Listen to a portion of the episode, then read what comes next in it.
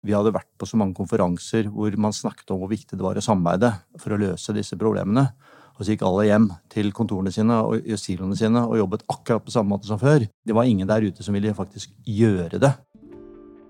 Velkommen til Dette hadde jeg ikke fått til alene, en podkast fra Soul Central.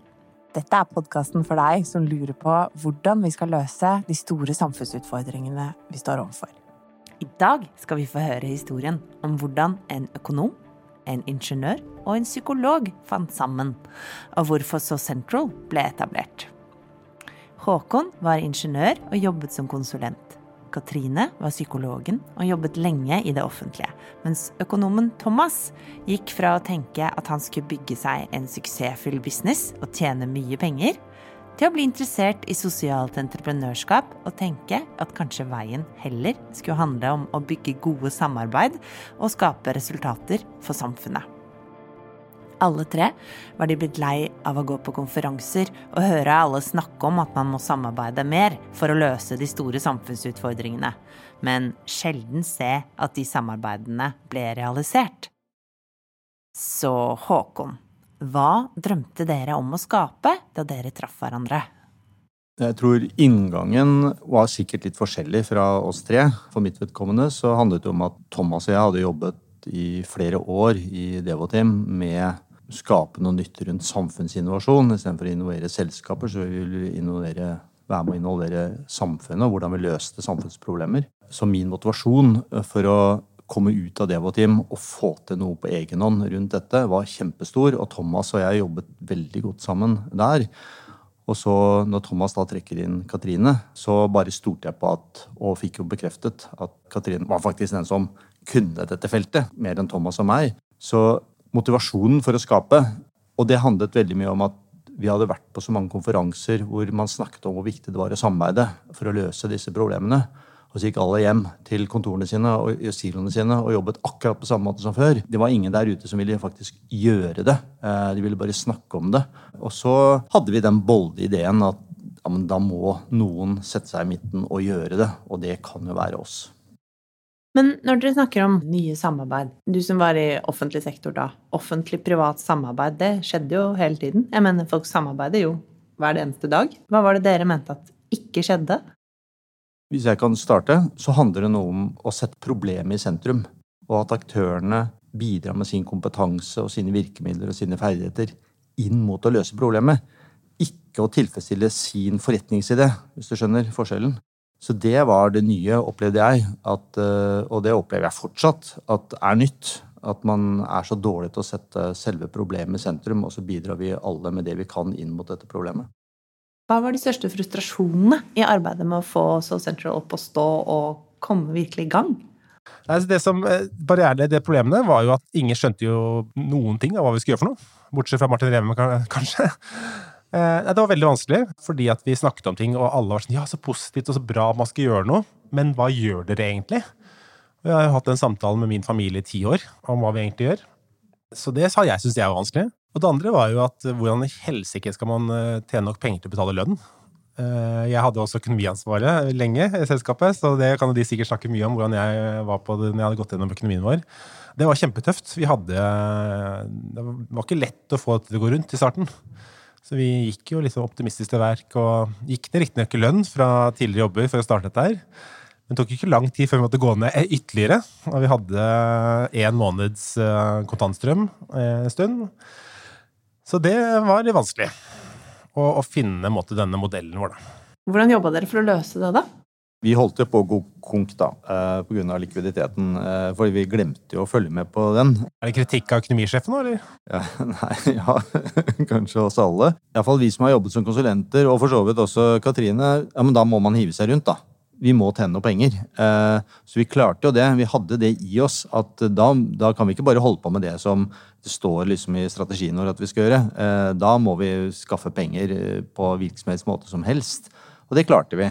Og så har vi vært veldig opptatt av kontantstrømmen siden. Så det har jo vært en veldig nyttig læring. Og så vet jeg at dere har, i hvert fall tidligere, beskrevet et sånt skikkelig sånn vendepunkt. Det var um, da hussjefen på sentralen, det som skulle bli sentralen i hvert fall, ringte dere, Martin Eia Revar, og spurte om dere kunne tenke dere å ta ansvar for samfunnsinkubatoren eller hele den co-working-delen. Hvorfor var det så viktig? Jeg husker veldig godt den, eh, den telefonen. Vi hadde jo vært eh, på en liten sånn strategiøkt på Hvaler. Eh, men det var en uh, nyttig økt, og så kjørte vi hjem derfra og fikk en telefon når vi nærmet oss Oslo og parkerte bilen.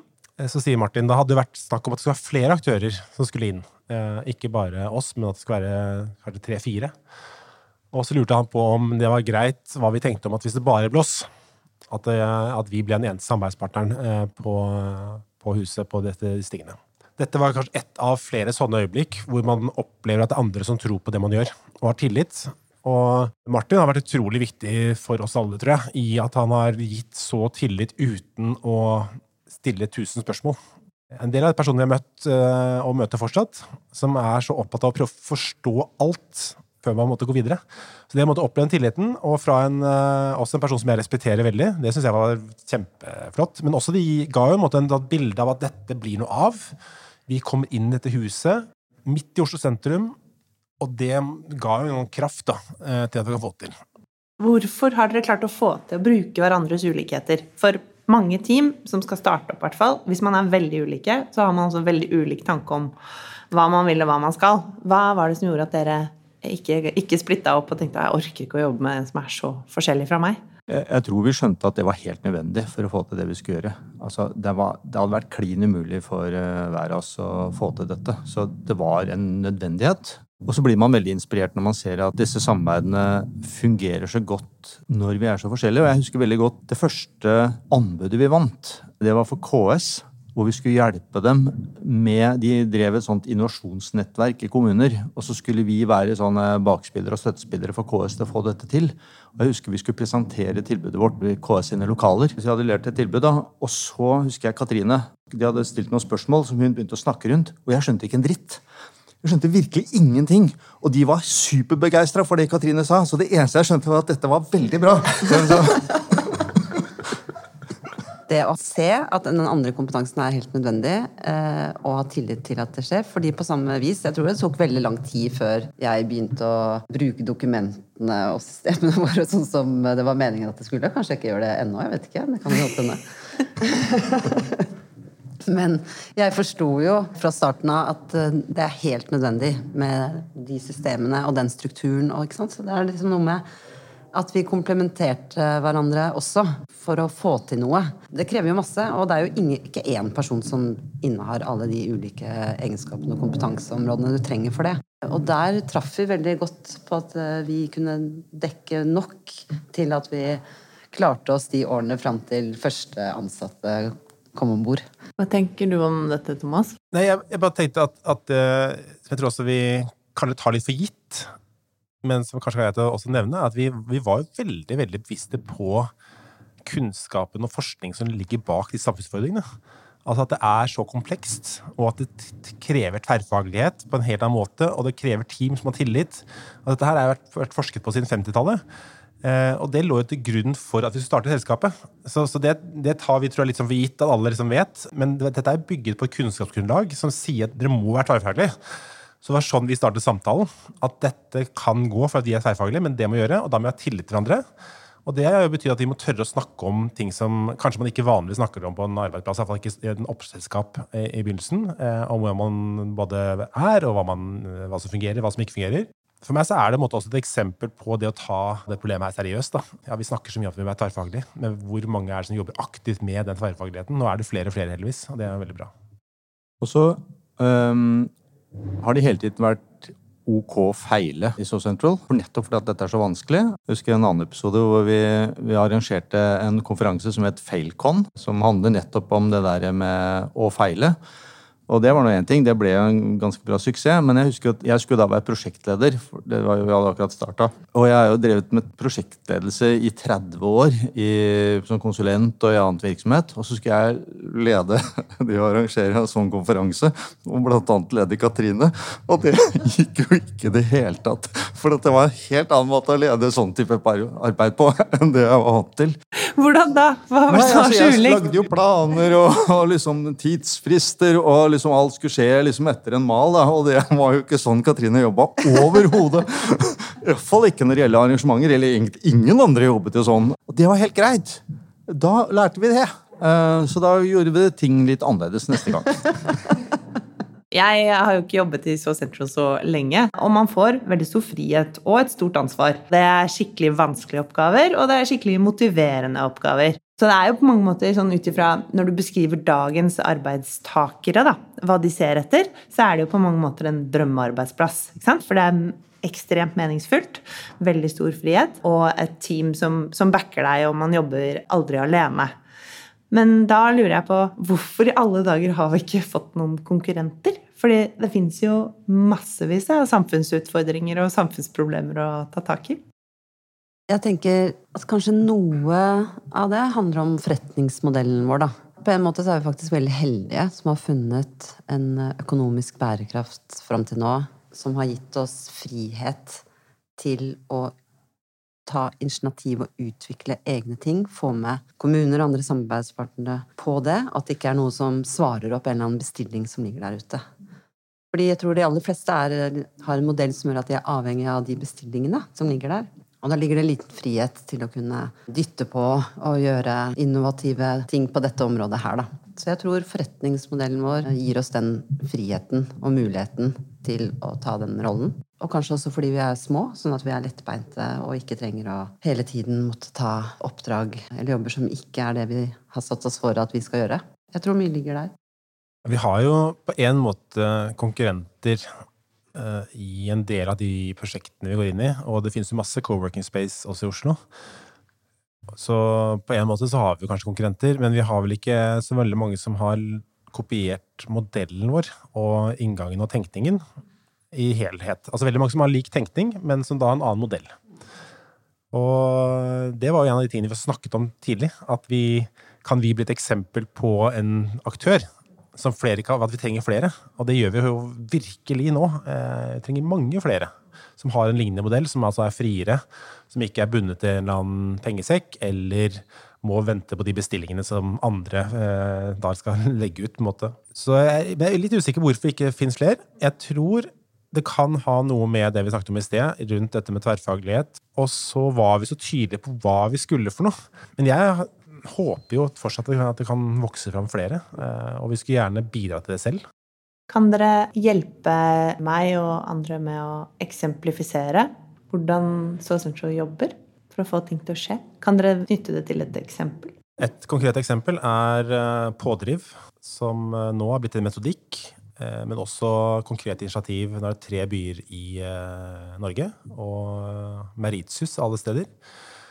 Det startet ganske så typisk for oss at vi hadde um, bygget opp et nettverk gjennom både denne samfunnsinkubatoren, altså det fysiske stedet, miljøet, og gjennom tidligere prosjekter rundt dette med by og bolig, og hvordan få flere til å ha råd til å bo i byen. Og så var det en konferanse hvor det var noen som snakket om dette, at vi må um, tenke nytt rundt byutviklingen vår. Vi må tørre å samarbeide mer. Vi må vise verden hva Norge kan bidra med i forhold til klima- og bærekraftsmålene. På veldig mange konferanser så hadde det blitt med det. Men så, gjennom noen samtaler vi hadde, så, så, ble vi involvert i en dialog etterpå, og vi drev fram et prosjekt. Og da var det kanskje de første møtene er mest interessante, egentlig, eh, i forhold til hvordan vi jobber. Og da satt vi eh, rundt et bord med åtte forskjellige virksomheter.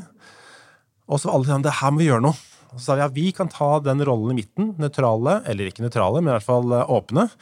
Og så drive prosessen framover. Det førte til at vi fikk søkt ut midler fra Forskningsrådet. Vi fikk én million kroner. Og da var det et samarbeidsprosjekt med flere aktører fra dag én som likeverdige partnere. Så gikk vi ut og samlet 25 mennesker fra forskjellige bakgrunner, litt sånn som oss tre. Eh, samme tankegang. Og så fikk de oppgaven hvordan er det vi skal jobbe med byutvikling på en annen måte. Det kom resultatet derfra. Og igjen så ble det masse spennende ting som ble liggende i dette samarbeidet. Men hvem skal ta det videre? Hadde ikke det vært en så sentral aktør, så hadde det ikke skjedd noe. Eh, vi tar ballen videre. Skraper sammen noe finansiering, eh, fra, litt fra Oslo kommune, litt fra Doga. Og få med flere også fra de, de personene. Så vi gjør det aldri alene, med alt det andre med, men vi sitter måtte og driver framover.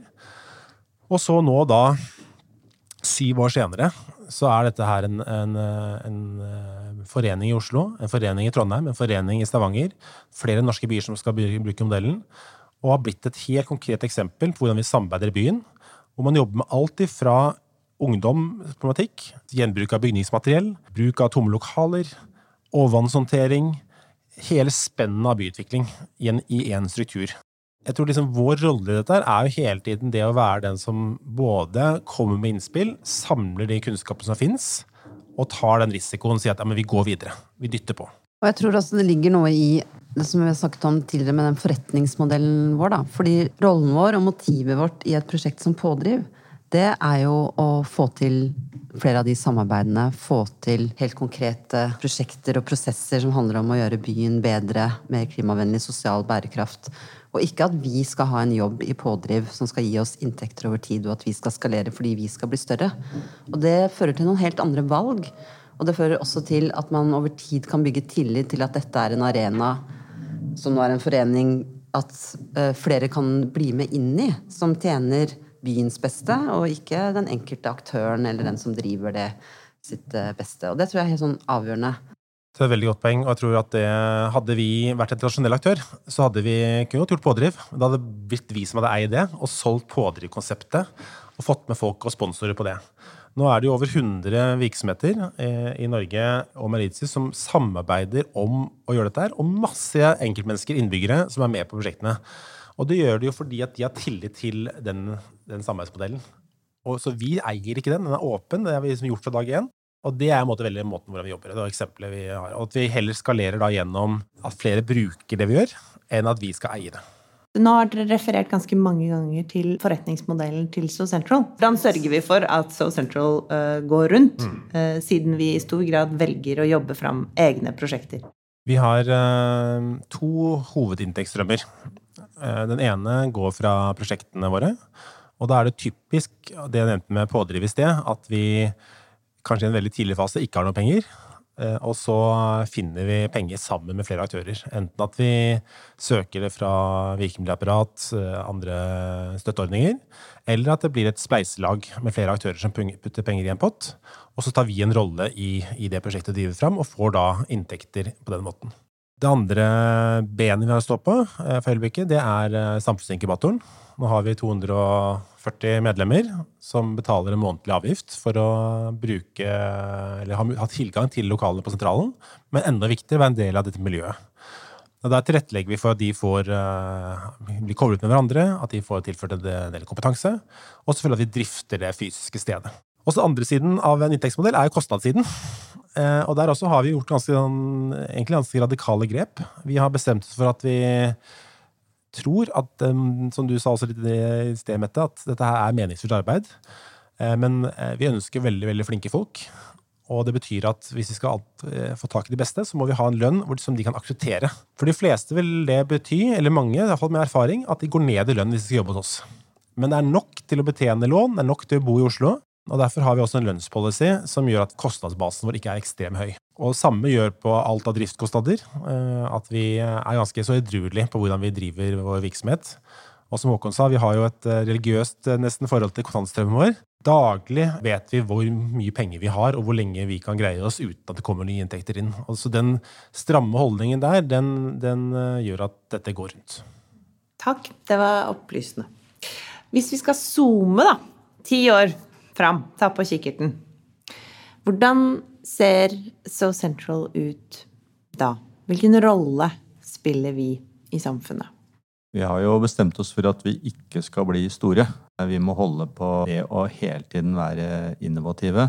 Og om ti år så håper jeg at vi har klart å skalere eh, modellene og metodene våre, slik at det er mange som kan eh, nyttiggjøre seg av de, slik at vi effekten av det vi gjør og har gjort, blir veldig stor.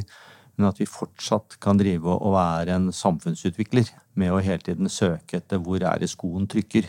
For det føler jeg det er jo det vi i stor grad gjør. Vi søker etter, ikke etter de enkleste og letteste måtene å tjene penger på. Eh, det er å finne ut av hvor er effekten er størst for å gjøre en systemendring i samfunnet. Og det håper jeg vi fortsatt kan drive på. Og så er det mange andre som gjennomfører eh, prosjekter og endringer etter metoder som vi har vært involvert i å utvikle. Hva har vært det morsomste? For jeg vet at en av verdiene vi har i, i Sentral, er jo at det skal, være, det skal være gøy. Det skal være humor på jobb. Vi skal ha det moro.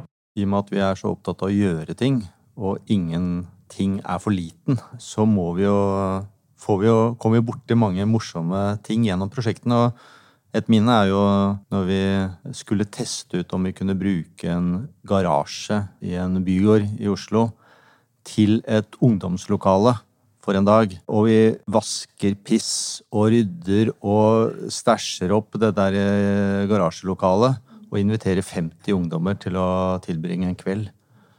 Og når de kommer inn i lokalet, så er det en som sier Wow, dette er utenomjordisk! Og det ble så vellykket den kvelden. Så det å være med å skape sånne øyeblikk, det har vært eh, fantastisk å få lov til å være med på. Ikke bare sitte på kontoret.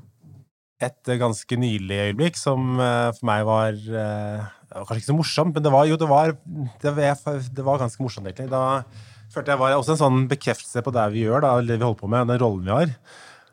Eh, hvor det føltes nesten litt plutselig. Det var jo ikke plutselig, vi hadde jo lagt masse krefter bak det. Men eh, at jeg eh, fikk muligheten til å åpne en, et prosjekt på Meritius.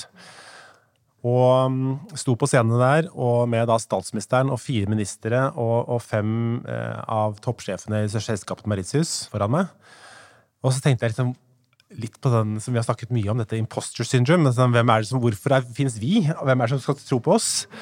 Og da øh, fikk jeg også sånn her litt sånn Herregud, hvordan skjedde dette? Vi er de samme folka som driver og vasker piss i en uh, kjeller uh, eller en garasje på Grünerløkka.